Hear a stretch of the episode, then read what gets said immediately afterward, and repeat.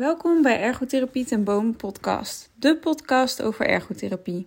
Alles wat je wil weten over ergotherapie hoor je hier. Onze missie is om ergotherapie op de kaart te zetten, zodat iedereen weet hoe divers ons beroep is en waarvoor ze ons kunnen inschakelen. Passende zorg zet mensen in hun kracht en dat zorgt voor toename van positiviteit en levensvreugde. Word je net zo enthousiast als wij zijn? Nou, ik zit hier vandaag uh, samen met Marleen. Welkom uh, in de podcast. Jouw eerste keer. Um, zou je jezelf willen voorstellen? Ja, ik ben uh, Marleen Hofman. Ik ben sinds november 2021 werkzaam bij Ergotherapiepraktijk ten Boom. Um, heb daarvoor altijd, eigenlijk altijd in een verpleeghuis gewerkt. Op verschillende soorten afdelingen. Mm-hmm. En um, op dit moment uh, zie ik vooral mensen met uh, niet aangeboren hersenletsel, beroertes, um, Parkinson, dementie, um, Ehlers-Danlos syndroom en nou ja, nog van alles meer. Hele diverse groep uh, heb jij ja. qua cliënten. Ja, ja, echt heel divers. Ja, vandaag gaan we het niet zozeer hebben over de uh, cliënten, maar meer over het werken in de eerste lijn. Want je hebt een hele tijd uh, in de tweede lijn gewerkt, dus in een verpleeghuis. Um, en nou ja, nu werk je in de eerste lijn vanuit een uh, praktijk waar eigenlijk iedereen vanuit huis naartoe kan komen. Uh, het is toch wel een andere uh, werkcontext. Ja. Dus het leek ons leuk als je wat wil vertellen over ja, wat, hoe je dat ervaart. Wat is het verschil tussen de tweede en de eerste lijn? Um, nou, allereerst uh, in de tweede lijn, dat wil zeggen uh, het verpleeghuis bijvoorbeeld, Mhm. hè, uh, of een ziekenhuis, dat is allemaal tweede lijn. Um, ja, daar werk je binnen een organisatie. Mhm. Dus dan zit er nog een hele organisatie omheen. Dat heeft zo zijn voordelen in de zin hè, dat, dat er van alles uh, geregeld is. Er is een CAO, er is Mhm. uh, allerlei um, afdelingen die uh, ondersteunend zijn. En dat is natuurlijk in een eerste lijnspraktijk anders. Daar, Ja. uh, daar heb je niet een hele organisatie eromheen. Uh, de, de, lijnen zijn heel kort. Dat maakt het, uh, ja, dat maakt het al anders. Mm-hmm. Um, hè, dus als er beslissingen moeten worden genomen, ja, dan kun je vrij snel met elkaar afstemmen van gaan we, gaan we iets doen of niet. Ja. En wij in de tweede lijn wil dat nog wel eens een, een lang traject zijn.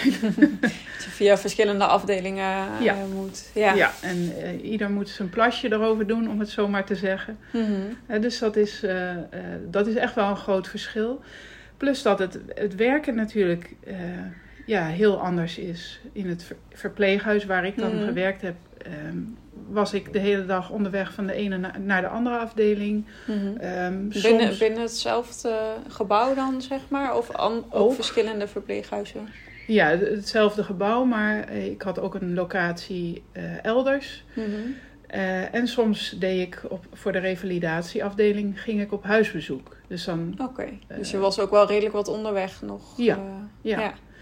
En um, als je dat vergelijkt met de eerste lijn, mm -hmm. dus in uh, de ergotherapiepraktijk, ja, daar ziet mijn dag er ook zeer gevarieerd uit. um, het is wel, ik ben veel bij mensen thuis uh, mm -hmm. aan het werk. En één dag in de week heb ik een uh, praktijkmiddag. Dus dan ben ik, zie ik mensen op de praktijk. Mm -hmm. Dus dat is in verhouding wel veel meer uh, op locatie dan ja. in de tweede lijn. Ja. ja. ja. En, en wat, wat is dan het verschil tussen iemand uh, op de praktijk of in het verpleeghuis zien of aan huis? Um, nou, aan huis zie je iemand echt in, in zijn leefwereld, zijn leefomgeving, zeg maar. Ja. Um, en in het verpleeghuis zou je dat ook kunnen zeggen, afhankelijk van of iemand echt woont in het verpleeghuis. Mm -hmm. uh, voor revalidanten is dat natuurlijk anders. Ja. Maar mensen die daar wonen, mensen met dementie bijvoorbeeld, of Parkinson of andere chronische Mhm. mm -hmm. ziekten, die, die, daarvoor is het verpleeghuis de woonomgeving. En, ja. Um, dus dan zit je eigenlijk ook in de eigen omgeving. Ja, alleen voelt dat misschien anders. He, voor die mensen, ja. ze delen die omgeving met heel veel andere mensen. En er lopen voortdurend verpleegkundige, verzorgende. Het is een, een komen en gaan van mensen vaak. Ja. Dus dat maakt het eh, toch wel anders dan, dan je eigen omgeving, waar Mhm, Je eigen het algemeen huis. ja, je, Ja. je eigen spulletjes een eigen plek hebben. Ja, kan ik me voorstellen.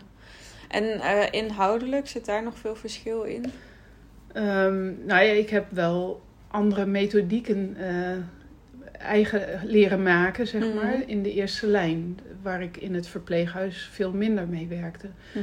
Ehm, en in het verpleeghuis, ja, daar, daar eh, kijk je veel meer samen met de zorg, met andere disciplines die, die ook betrokken zijn.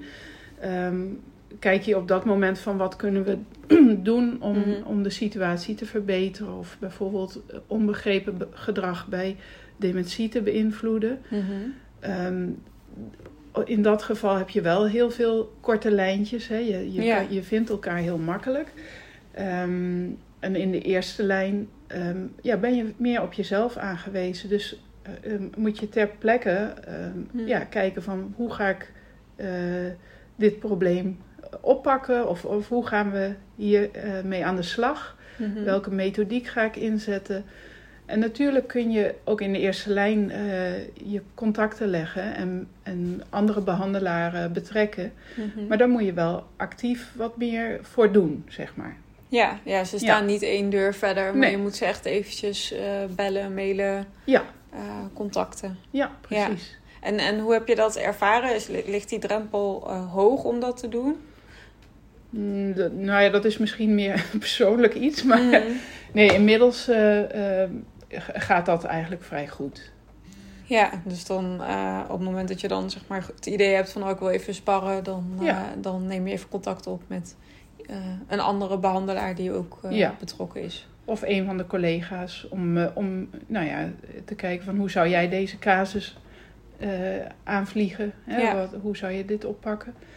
Ehm, nee, die, die contacten leggen, dat gaat, gaat steeds makkelijker, zou ik maar zeggen. Ja, op een gegeven moment heb je natuurlijk ook een beetje je vaste netwerk waar je uit kunt putten. Maar dat, ja, dat is wel iets wat je, ehm, ja, waar je even tijd en energie in moet steken om dat op te bouwen, denk ik. Ja. Ja. Ja. En ehm, kun je vertellen wat een, een typische vraag was die je zeg maar, kreeg in het verpleeghuis en wat een, een typische vraag is die je in de eerste lijn eh, krijgt? Oh, ehm, nou in, de, in het verpleeghuis was, was ik onder andere betrokken bij mensen met dementie. Ehm, dat, dan gingen vragen bijvoorbeeld over de lichthouding, Mhm. over zithouding, rolstoelen aanmeten. Ehm, maar ook wel eh, ja, het stukje onbegrepen gedrag. Hè? Dus Mhm. eh, ja, waarom reageert iemand eh, boos of verdrietig? En hoe, hoe kunnen we zonder medicijnen te gaan inzetten, of zo min mogelijk medicijnen in te zetten, dat gedrag positief beïnvloeden? Hè? Dus hoe kun je de omgeving eigenlijk aanpassen, eh, zodat die persoon zich prettiger voelt of ehm, meer zijn, zijn, eh, ja, zijn dingen kan doen. Hè? Mhm. Ehm, en ja, in de eerste lijn, ehm, daar, daar kan het variëren van eh scootmobiel lessen geven Mhm. of beoordelen of iemand veilig in, in het verkeer Ja. kan deelnemen. Maar ook eh, een vraag die, veel, die ik veel tegenkom en die in het verpleeghuis voor mij wat minder leefde, is die balans tussen belasting en belastbaarheid. Dus wat doe je, en wat Mhm. kun je en, en ehm, wat kun je aan eigenlijk? Ja. Dan fysiek of mentaal. Zeg Ja. maar. Ja. Of beide, inderdaad. Ja.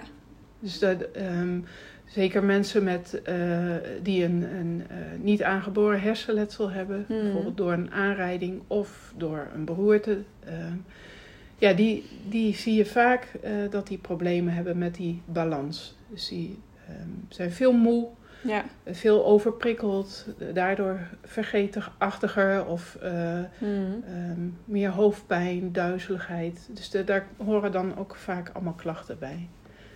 Ja, dus dat, dat, dat was eigenlijk nieuw voor jou eh, in deze context. Ja, nou ja, goed. Ja, wel Of nieuwer. eh, qua behandeling, ja. Ja, Ja, ja. Leuk. Leuk ook om zo nieuwe dingen te ontdekken, denk ik. Zeker, Eh, dat ja. je toch weer ja, ook voor jezelf weer iets kunt uitdiepen. En ja. kunt kijken van oh, hoe kan ik dit aanbieden aan mijn cliënten. Ja, nee, je blijft wel ehm, ja, geprikkeld worden om, om verdieping te zoeken. Mhm. Of is een andere werkwijze uit te proberen, andere methodiek uit te proberen. Ja. Ja, en ik denk ook dat je ehm, in het verpleeghuis dat, dat het wat uh, meer dezelfde soort uh, vragen zijn of mensen in dezelfde soort fase zitten, zeg Mhm. maar. Dat je in de eerste lijn kom je natuurlijk heel veel verschillende leeftijden Ja. tegen. nou zie je denk ik wel vooral de wat oudere doelgroep. Ja, dat Ehm, varieert eigenlijk. Kijk, ja. mensen die eh, hersenletsel hebben opgelopen, dat kunnen ook jongere ja, mensen dat zijn. kan op alle leeftijden. En, ja. en eh, ook mensen met het Ehlers-Danlos syndroom, eh, Mhm. daar zitten toch wel relatief jonge mensen ook bij. ja. Ehm, dus ja, dat maakt het wel heel divers, ja. Ja, dan De- heb de- ook mensen in verschillende levensfases. en dan krijg je, daar horen ook weer andere vragen bij, denk ik. Ja. Ja, en zeker als je in de thuissituatie... Kijk, het voordeel van een verpleeghuis is, of een organisatie... is Mhm. ook dat je vaak de beschikking hebt over heel veel voorzieningen, hulpmiddelen. eh, de- hè, er is vaak wel een magazijn waar je uit kunt putten. Ja. En dat heb je in de eerste lijn minder. Dus dan moet je creatiever zijn, Mhm. vaak, in hoe, hoe los ik dit... Hoe lossen we dit probleem op? Wat, eh, hoe kunnen we ehm, ja, eh, eh, een hulpmiddel aanpassen of maken wat Mhm. wel werkt? Kun je daar een voorbeeld van geven? Heb je iets in gedachten? Mm, Nee, niet direct. Nee. Nou ja, to- toevallig was ik laatst bij een vrouw die nog aan het beeldhouden is. Mhm. En die gebruikt kleine eh veldjes of bijteltjes Ja. die aan twee kanten eh, bruikbaar zijn. Maar zij heeft Oh, minder ja. grip op dat bijteltje, want dat, ze gebruikt met name de hele kleine Mhm. eh, veldjes, omdat de grote al bijna te zwaar worden. ja. Maar ja, hoe zorg je nou dat je meer grip krijgt op, op zo'n bijteltje? Oh ja. Nou dus dan zijn we bijvoorbeeld eh, aan het kijken of ze dat met postzakken elastiek kan verdikken. Of Mhm. er is ook wel tape in de handel die als verdikking kan dienen. Oh ja. Dus op die Ja. manier zijn we aan het kijken of, of ze op die manier haar hobby nog kan eh, blijven uitvoeren. Ja, dat je het eigenlijk eh, op een creatieve manier met huistuin- en keukenmiddeltjes Ja. eh, kunt oplossen. Want een, een aangepaste eh, bijtel zal niet heel snel op de markt zijn, Nee. denk ik. Nee, niet volgens mij. Nee. Nee. Nee, dat kan ik me voorstellen. Het zijn wel leuke vragen. eh, als je dan echt een beetje buiten de, buiten de kaders Ja. moet denken van... oh, hoe kan ik dat dan? Of dat vind ik tenminste. Ja, ja, ja. Eh, dat je dan toch kunt kijken van... oh, hoe kun je dan inderdaad zorgen dat iemand zijn hobby nog kan blijven uitvoeren. Ja, precies. Ja, Ja. leuk. Ja, en ehm je gaf net al aan zo van... Nou ja, er zitten best wel wat verschillen eh, tussen de eerste en de tweede lijn. Ehm, wat, wat heeft voor jou gemaakt dat je eh, de stap gezet hebt naar de eerste lijn? Want je hebt best wel een tijd in de tweede lijn gewerkt. Ja. Wat, wat was voor jou eh, hetgene wat je over de streep geholpen heeft? Ja, ik, nou ja, ik denk vooral ook dat ik toe was aan een nieuwe uitdaging. En ik Ja. was al eens in gesprek geweest met de toenmalige eigenaar van de praktijk. Ja, Ehm, ja, en nou ja, goed, toen was ik daar nog niet klaar voor. En nu had ik zoiets van, ja, dan moet, eh, wil ik plezier houden in het werk, moet ik toch echt een andere uitdaging gaan zoeken. Nou ja, en dat was voor mij wel de druppel, eh, of eh, ja, ja. de, de stap die ik gemaakt heb. En daar ben ik nog steeds blij mee. Nou, dat is heel fijn om Ja. te horen. En dat was de volgende vraag inderdaad. Ja, Ja, en zijn er ehm, eh, nog verschillen tussen de eerste en de tweede lijn die voor jou eh, eh, verrassend waren? Of waarvan je zegt van, oh, dat is toch echt wel een belangrijk verschil die we, wat we nog niet besproken hebben? Mm. Nou, nee, dat, dat denk ik. Er schiet me zo niks te Nee, binnen in ieder geval. Oké. En eh, als je het dan hebt over het werken eh, hier, nou ja, eh, je hebt niet heel veel gelijking, vergelijkingsmateriaal, want dit, dit is volgens mij de eerste, eerste lijnspraktijk waar je werkt. Ja, Eh, of in Nou ieder geval de heb- afgelopen periode. ja. Ehm, maar wat, ehm, ja, wat, wat trekt je aan eh, binnen onze praktijk? Wat maakt dat je voor eh, deze praktijk gekozen hebt en niet voor een andere? Nou, wat, wat mij steeds heeft aangetrokken is, is de- hoe proactief de praktijk is. de uitstraling, zeg maar. Mhm. Op, bij wijze van spreken op papier al. Hè, de, de, de visitekaartjes, de, ehm, ja, de foldertjes. Ehm, dat, dat is vrolijk, positief. Mhm. Dat vind ik een mooie uitstraling. En dat merk je ook in de collega's en in ja, hoe, hoe, wij, hoe, het, hoe de praktijk um, te boek staat eigenlijk in de regio. Ehm, dus ik, ja, die, met name dat stukje uh, positiviteit wat, mhm. uh, en, en denken in mogelijkheden, dat was wel wat mij heel erg aantrok in deze uh, praktijk. Ja, leuk. En, en hoe zie je die positiviteit terug in je dagelijkse werkzaamheden? Nou ja, ja je, je, je probeert elkaar. Um, uh, ja, hoe zeg ik dat? Te ondersteunen waar, waar, waar kan. En ja. um, vooral denken van hoe kunnen we. Wat, zijn wel, wat is wel mogelijk? En niet mm -hmm. zozeer van wat zijn nou allemaal knelpunten, maar hoe, hoe kunnen we het voor elkaar krijgen om iets uh, wat we graag willen voor de mm -hmm. praktijk of voor een cliënt, om dat te bereiken. Ja. Um, dus dat zie je eigenlijk op al die lagen, ja. Uh, zie je dat terug. Ja. Ja. ja. En, dat, en dat, dat is dan ook iets wat je richting je eigen cliënten uh, ook weer uitdraagt. Uh, ja. Denk ik, als ik jou zo hoor over je bijteltjes. Uh, dat je dan ja. toch, ja, dat je niet tegen je cliënt zegt van ja, nee, hier bestaat niks voor, maar dat je dan samen op zoek gaat van hoe kunnen we dit dan toch voor elkaar krijgen. Nee, precies. Ja, ja. dat is wel heel mooi. Dat, dat past ook mooi bij elkaar, denk ik. Dan. Ja, en ik denk ook dat dat de kracht van ergotherapie is. Dat je Zeker. altijd op zoek gaat van als iets niet lukt, wat, op welke manier kan het dan misschien wel? En ja. Of dat nou een andere manier van werken is, of um, met een hulpmiddel, um, of met uh, ondersteuning van iemand uit je omgeving. Mm -hmm. nou ja, dat is eigenlijk waar het bij ergotherapie uh, in mijn ogen om draait. Ja, absoluut. Ja. ja. Toch die manier vinden om je activiteiten die je graag doet ja. uit te kunnen voeren. Ja, precies. Ja. ja. Oké, nou leuk. Ik denk dat we best wel een beeld hebben van uh, ja, hoe, hoe jij het werken hier uh, ervaart.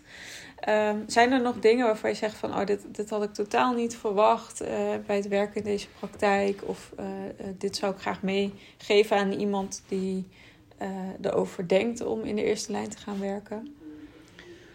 Um, nou ja, goed, het, het, de dagen kunnen dus heel afwisselend zijn. Dat maakt mm -hmm. het ook heel leuk. Ook het feit dat je ja, mensen van verschi verschillende leeftijden, verschillende doelgroepen uh, ziet. Um, het kan soms ook heel intensief zijn. Mm -hmm. uh, zeker als je een hele dag op pad bent. Um, ja. En je, ja, dan zie je bijvoorbeeld zes cliënten en daartussen zit reistijd. Uh, ja. ja, dan, dan kan, kan het best wel veel energie ook vragen. Mm -hmm. Maar goed, uh, als je dan eh, ook je leuke cliënten erbij hebt zitten, uh, daar, daar krijg je ook weer energie van. Ja. Dus um, ja, en dat maakt je ook wat flexibeler qua um, indeling van je dagen of mm -hmm. um, ja, hoe je omgaat met je cliënten. Um, ja, hoe bedoel je dat? Kun je daar iets op uitweiden? Nou ja, flexibiliteit meer in, in hoe, hoe plan je. Hè? Dus, mm -hmm. uh, en ja, en, um, we hebben niet echt een vaste planning, zeg maar. Van het is niet, nee. niet van je moet, je moet om negen uur of nee. om half negen. Of, uh, nee, en als, ja. je, als je een keer van, je, van een bepaalde tijd wil afwijken, omdat een, dat voor een cliënt makkelijker is, dan kun je daar ook voor kiezen. Ja. He, dus dat, daar kun je van afwijken. Ja, of voor jezelf, dat je schuift. Uh, ik heb zelf wel eens dat ik dan s ochtends nog een afspraak heb, dat ik dan wat later begin en wat langer doorwerk. Mm -hmm. Dat je die flexibiliteit, uh, ja. ja, die kun je wel pakken inderdaad. Ja, zeker. Ja. ja. Nou, Marleen, uh, bedankt dat je wilde vertellen hoe jij het werken in de eerste lijn ervaart. Uh, ik hoop dat je het uh, leuk vond om in de podcast te zijn. En uh, wie weet zien we je nog terug voor een podcast over een van de doelgroepen die jij regelmatig ziet. Ja, graag gedaan. Ik vond het zeker leuk. Nou, hartstikke fijn. Bedankt voor het luisteren. Laat ons weten wat je van deze podcast vond en laat een review achter. Volgen en delen helpt ons om ergotherapie op de kaart te zetten. Daar worden wij blij van.